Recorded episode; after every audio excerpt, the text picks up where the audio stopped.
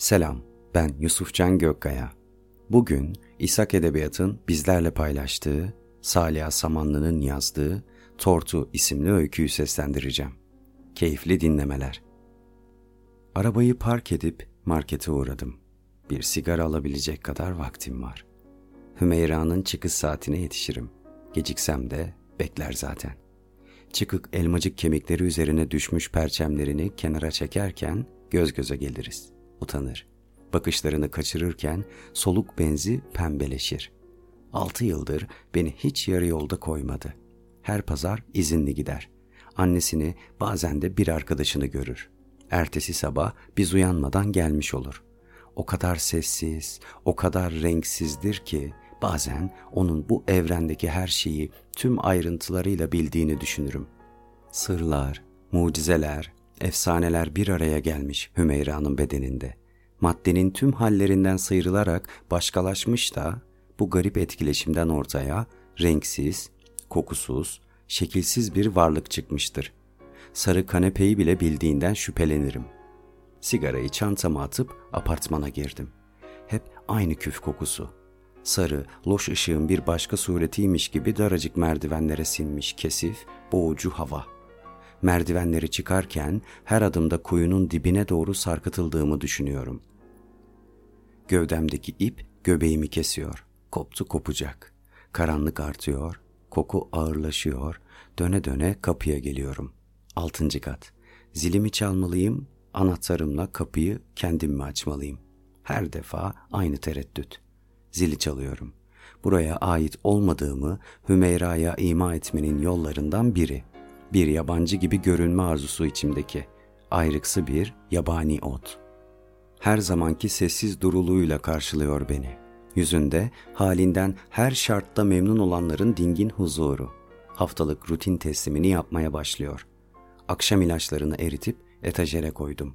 Kremleri ve yedek çamaşırları da dolapta, bildiğiniz yerde. Bugünün nöbetçi doktorunun numarası buzdolabının üzerinde. Acil bir şey olursa diye biliyorsunuz.'' Bu dünyayı hiç görmemiş birine eşyaları, insanları, hayatları göstermeden birkaç kelimeyle şimdiki çağı anlatmanın bir yolu varsa Hümeyra'da gizlenmiştir. Arada sırada rüyama gelerek bana yaşamı soran o zamansız misafiri tereddütsüz Hümeyra'ya yollamak isterdim. Biliyorum diyorum içimden.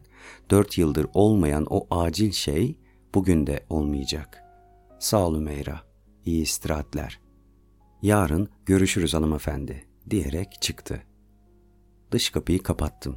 Çıplak ölü geçip odasına doğru yürüdüm. Aralık kapıdan yatağının yarısı, onunsa tamamı görülebiliyor. Cenin pozisyonunu almaya başlamış gövdede ikinci bir kafa gibi çıkıntı yapmış kamburu, ilk kez ona bakan birini korkutabilir.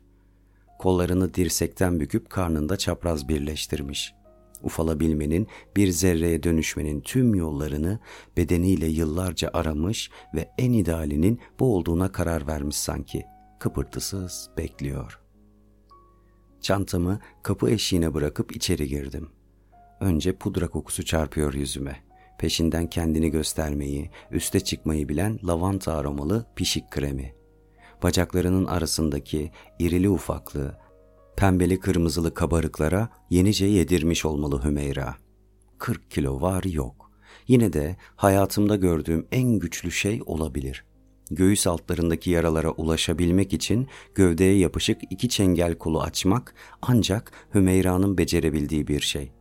Bu mukavemete karşı tek bir kemik kırmadan yıllardır o gizli yere varabilmesine hep imrenmişimdir. İşim bu hanımefendi demişti bir keresinde.''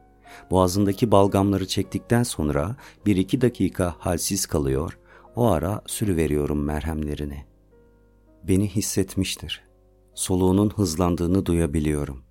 Hümeyra'nın yaz kış açık bırakmayı sevdiği üst pencereyi sıkıca kapatıyorum. Perdeleri çekiyorum.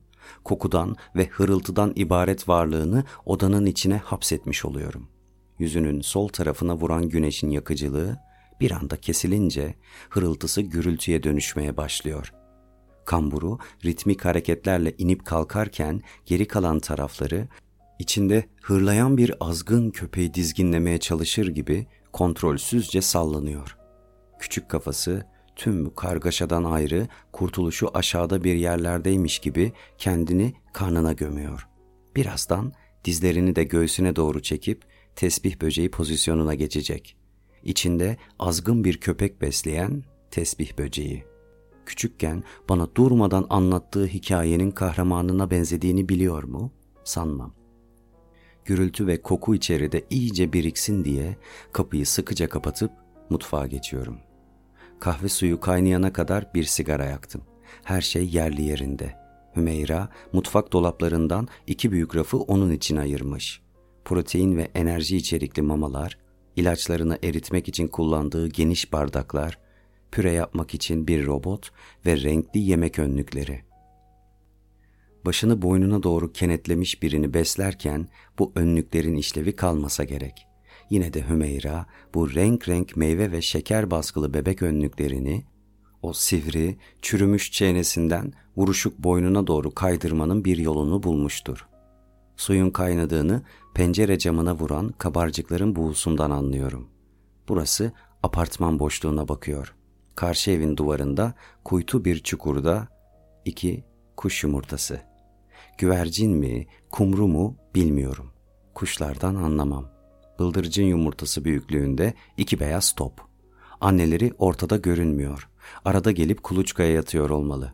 Kahvemi alıp odaya dönüyorum. Odadaki tek sandalyeyi çekip yatağının tam karşısına oturuyorum.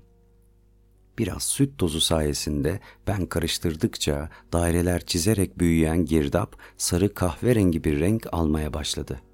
Ne var ne yok içine alıp götüren, kendisine bir noktadan katılanı sonsuz döngüsüne hapseden tehlikeli bir boşluk. Gittikçe artan hırıltının iki nedeni olabilir. Boğazında birikmiş balgam soluk borusunu tıkıyordur ya da bacak arasındaki iltihaplı, yeşilli sarılı yaralarını, idrarı yakmaya başlamıştır. Henüz havada o kadar keskin bir sidik kokusu yok. Demek ki ilk ihtimal gerçekleşiyor. Yazları kokunun en güçlü olduğu kuytu yerlerin üzerinde vızıldayıp duran kara sinekler sayesinde hırıltının nedenini hemen tek ihtimale düşürürüm. Bu mevsimde daha zor. Tesbih böceği gibi olacaksın derdi. Geceleri canavar gelip sana dokunduğunda başını karnına kadar eğip dizlerini göğsüne çekeceksin ki işini bitirip hemen gitsin. Avuç içlerin kanepeye yapışık gibi olsun. İçinden yüze kadar say. Çok sessiz olmalısın. Canavar uyanık olduğunu bilmemeli. Sen, ben, bir de sarı kanepe. Anlaştık mı? Süt tozuna rağmen yumuşamamış sert kahvemden bir yudum aldım. Gözüm eteşerdeki ilaçlarına ilişiyor. Akciğeri, kalbi ve de böbreği için eritilmiş haplar. Hümeyra evdeki tek çiçek olan yıllanmış fesleğenin gittikçe yeşillenen yapraklarına bir anlam veremiyor. İlaç dolu bardağı toprağın her yanına güzelce bölüştürüyorum.